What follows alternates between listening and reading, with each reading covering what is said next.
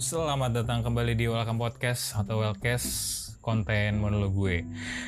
Konten yang di mana kita akan ngebahas tentang suatu hal atau tentang suatu topik yang lagi apa yang lagi ada di internet atau lagi ada di masyarakat atau juga ngebahas tentang uh, hal-hal yang apa uh, sulit untuk kita terima, sulit untuk kita welcoming gitulah ya uh, apa pun itu, apa pun jenisnya. Waduh. Uh, kali ini gue mau ngomongin tentang uh, pikiran gue tentang refleksi gue. Waduh. Uh, pikiran tentang uh, sebenarnya hasil itu bisa mengkhianati proses gitu. Enggak melulu hasil itu tidak mengkhianati proses yang udah kita lalui karena ya seperti kita tahu kalau kadang hasil yang kita terima dalam kehidupan ini itu ya nggak sesuai ekspektasi atau nggak sesuai dengan apa yang udah kita usahain gitu ya. Um, ya bisa kita dapat nilai yang kurang bisa dapat hasilnya B padahal harapannya A gitu kan. Atau semacamnya gitulah ya. Karena dengan ekspektasi-ekspektasi yang nggak melulu terpenuhi. Uh, mungkin ini relate juga dengan apa um, dengan ajang Olimpiade ya, ajang olahraga ini uh, empat tahunan yang walaupun temanya Tokyo 2020 tapi diselenggarakannya tanggal uh, bukan tanggal di tahun 2021 ini.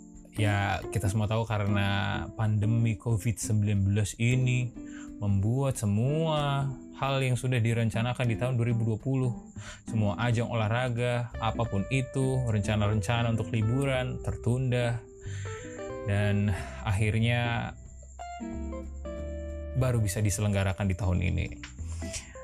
Kalau gue tonton dari beberapa cabang olahraga yang gue lihat ya, udah gue tonton itu ada beberapa uh, ada beberapa atlet yang ketika udah sedikit lagi bisa mendapatkan medali, eh mereka akhirnya gagal gitu. Kayak di apa cabang olahraga angkat besi gitu ada di 61 kg pria ya itu ada ada kekecewaan yang begitu terlihat gitu dari uh, atlet asal Arab Saudi gitu. Uh, ini ber, uh, dia bersaing dengan atlet Kazakhstan.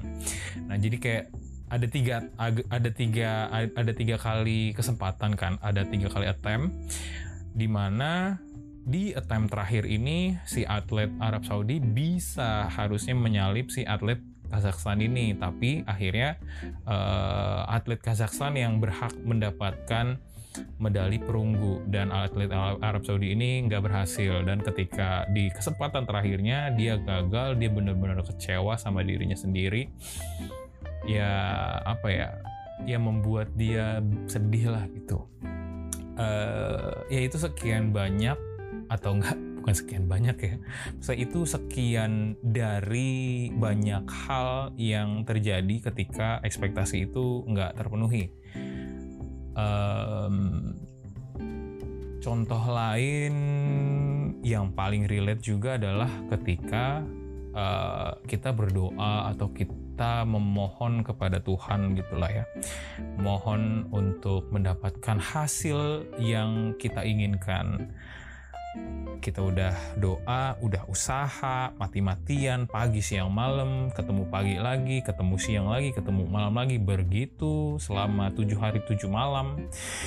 Eh, tapi pas di hari H, di hari penentuannya, kita nggak dapet hasil yang sesuai dengan apa yang sudah kita harapkan, apa yang udah kita doakan, terus gitu. Ya pasti kecewa juga sih sama kayak tadi atlet Arab Saudi itu. Pasti kecewa.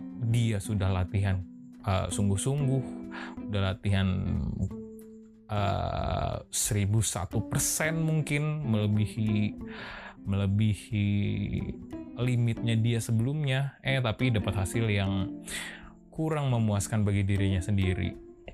Juga kadang doa kita atau permohonan kita itu ya nggak nggak terjawab sesuai dengan apa yang kita doakan apa yang kita harapkan nah itu yang membuat gua berpikir kalau ini juga berdasarkan pengalaman ya. Maksudnya uh, ya pengalaman waktu itu kehilangan bokap yaitu doa pagi siang malam pagi siang malam terus gitu. Tapi uh, pada kenyataannya ya memang tetap meninggal gitu tetap harus selesai gitu di tahun 2015 itu. Itu yang membuat gue ya awal-awal itu ya kecewa lah sama Tuhan gitu gitulah tapi proses itu juga yang ngebuat gue bisa menemukan pikiran menemukan refleksi bahwa uh, Iya hasil itu bisa mengkhianati, bisa mengkhianati proses yang udah lu jalanin selama ini, udah yang udah lu siapin. Dan apakah itu buruk? ya mungkin secara subjektif di awal-awal ketika kita menerima hasil yang nggak sesuai ekspektasi mungkin itu bisa dibilang buruk gitu ya. Buruknya juga secara subjektif. Kita nggak mau nggak nggak mau menerima omongan-omongan manis lah ketika kita gagal itu dari orang lain. Eh, kalau kata eh, bahasa kerennya sekarang itu toxic positivity. Kita nggak nggak gampang untuk menerima uh, kekalahan atau hasil yang mengecewakan itu. Ya apakah itu bagus? Ya bukan bagus atau jelek ya tapi wajar sih menurut gua. Karena ya memang apa ya perasaan itulah yang bakal muncul di saat-saat uh, pertama itu. Nah uh, akan beda cerita kalau uh, kita terbuai sama pikiran-pikiran kecewa tersebut itu. Yang membuat gue uh, punya apa ya punya punya pandangan yang berbeda adalah ketika hasil yang atau ketika beberapa momen dalam pengalaman itu uh, eh, gue dapatkan hasilnya itu tidak sesuai dengan apa yang gue apa yang udah gue usahakan gitu. Dan ternyata memang hasil itu nggak buruk gitu ya. Hasil yang tidak sesuai ekspektasi itu sangat tidak buruk gitu. Karena uh, dari hasil itu gue bisa melihat seberapa seberapa tinggi ego gue untuk maksa mendapatkan hasil itu. Yang ternyata mungkin selama ini gue menginginkan itu adalah berdasarkan ego gue yang sangat tinggi jadi bukan berdasarkan kebutuhan gue sehingga uh, ya ketika udah misalkan ya kalau misalkan terjadinya sesuai dengan apa yang gue harapkan apa yang gue doakan ya gue juga nggak tahu tuh uh, gue bakal ngapain selanjutnya.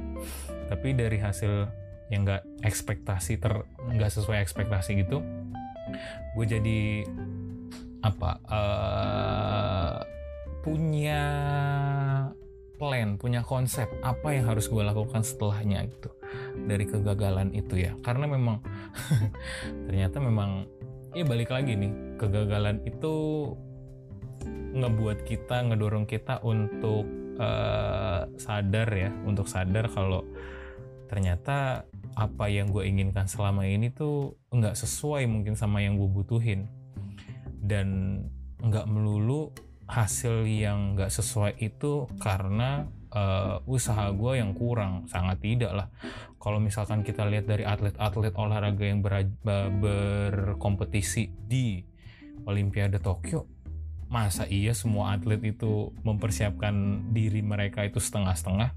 Ini kan udah udah hitungannya dunia ya satu dunia berlomba-lomba untuk dapetin medali emas atau enggak berlomba-lomba untuk naik ke podium gitu nggak mungkin kan mereka setengah-setengah 50% aja dalam mempersiap, mempersiapkan dan juga nggak mungkin kan ketika berkompetisi juga mereka enggak 100% fokus nggak mungkin sangat nggak mungkin tapi kan memang ada uh, saat di mana hasil yang tidak sesuai dengan apa yang udah kita usahakan itu harus terjadi.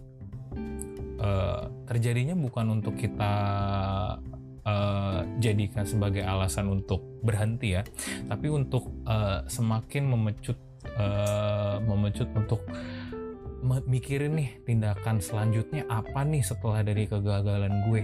Apa yang harus gue lakukan nih ya kan? Apa yang harus gue um, maksimalin lebih untuk pertandingan atau untuk uh, hal-hal selanjutnya yang akan gue uh, alami gitu um, dan ketika hasil itu mengkhianati proses ya proses yang lu jalanin itu bukan proses yang jelek juga gitu kan karena uh, setiap proses itu punya nilainya sih kalau menurut gua kalau pendapat gua. Ya nggak nggak ada proses yang ringan lah adanya orang yang melihat proses itu sebagai proses yang ringan gitu secara subjektif. Tapi kalau kita ngejalanin proses itu ya sangat tidak ringan gitu kan. Belum tentu kita juga bisa seperti mereka yang udah berproses gitu. Udah ber mengorbankan begitu banyak lah tuh uh, dan gue mikirnya hasil yang tidak sesuai ekspektasi itu itu kayak ngebuka kemungkinan lain yang yang nggak nggak jelek loh nggak jelek sama sekali karena ya tadi ketika kita gagal kita masih punya kesempatan kedua untuk memperbaiki, mengevaluasi, dan mencoba lagi. Kalaupun gagal dari apa yang udah kita coba lagi itu, itu bukan berarti proses kita yang kita lakukan itu rendah, yang kita laku, yang kita udah usahakan itu ecek-ecek itu enggak, enggak sama sekali. Ya memang itulah hasilnya gitu ya. Dan mungkin ada kemu dari hasil itu ada kemungkinan lain yang terbuka yang kita juga mesti milih nih. Kita harus ke mana? Siapa tahu dari hasil kegagalan ini ya gue memang enggak enggak ke sana gitu arahnya. Mungkin ke tempat lain dan ke mana gitu kan. Ya ya intinya sih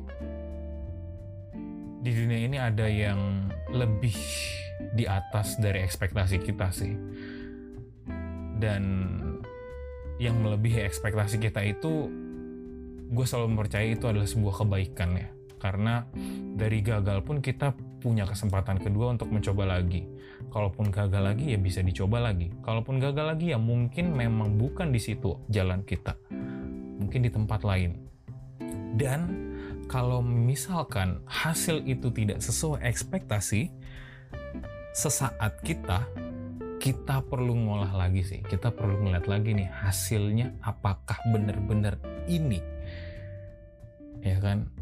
Ini ini berkaitan juga sama ada waktu itu gue dengerin khotbah Romo uh, soal mujizat gitu ya. Mujizat itu nggak semata-mata ya yang intinya yang gue rangkum mujizat itu nggak semata-mata hal gede hal ajaib yang terjadi gitu ya uh, kayak orang meninggal bisa dibangkitin orang buta bisa ngeliat lagi terus uh, 5000 orang bisa dikasih makan dengan dua modal uh, lima roti dan dua ikan gitu kan nggak apa ya hasil hasil yang sekarang bisa kita refleksiin sih yang mau gue tawarkan untuk direfleksikan bersama itu adalah uh, hasil yang membawa kita kepada perubahan sih, membawa kita kepada perubahan. Dan setelah gue pikir-pikir lagi, setelah gue refleksikan lagi, uh, pengalaman kehilangan gue itu juga memang suatu hasil yang di luar ekspektasi, yang tidak sesuai ekspektasi, tapi membuat gue uh, apa ya merasakan perubahan itu. Dan gue bisa menilai itu sebagai mujizat juga. Dan gue bisa mensyukuri itu. Yang tadinya awalnya kecewa gagal nggak seneng ya mungkin Tuhan itu tahu juga kali ya kalau misalkan uh, kejadian ini yang terjadi gue bakal ngerasain apa. Tapi ya ya nggak nggak nggak ya nggak nggak ditarik lagi gitu hasilnya terus diganti sama hasil yang gue inginkan. Tapi tetap hasil yang itu yang terjadi. Dan dari proses itu gue bisa baru bisa melihat itu ya beberapa waktu kemudian. Dan apakah baik? Eh apakah tidak baik? Ya nggak juga gitu kan. Baik-baik juga. Yang membuat gue berpikir kalau ya nggak apa-apa kalau hasil itu mengkhianati proses. Ya sangat wajar gitu. Dan no worries juga nggak perlu dikhawatirkan terlalu berlebih gitu. Karena hasil di masa depan juga bisa diubah atau bisa kita uh, usahakan lagi sih untuk uh, kita dapatkan sesuai dengan keinginan mungkin segitu aja kali uh, monolog gue kali ini. Berdasarkan refleksi gue berdasarkan apa uh, pengalaman gue yang gue harapkan mudah-mudahan bisa membuat uh, siapa pun yang dengerin ini uh, relate juga sama keadaannya dan bisa seperti teman lah ya ya intinya lo nggak sendiri kok. Lo uh, lo punya uh, temen dalam tanda kutip punya rekan ya. Rekan yang dikhianati juga oleh uh, pro, oleh hasil gitu. Nggak sendiri lo punya pengalaman itu karena beberapa orang atau banyak orang pun punya pengalaman yang sama. Cuman ya balik lagi gimana caranya kita mau melihat pengalaman itu sebagai suatu kesempatan lain gitu ya, sebagai suatu kesempatan lain untuk mengupayakan yang lebih baik lagi sih. Seperti itu. So, uh, sampai jumpa di konten-konten Welcome Podcast selanjutnya. Tetap sehat teman-teman dalam kondisi pandemi ini dan apa nih? Ya, tetap tetap positif lah. Ciao.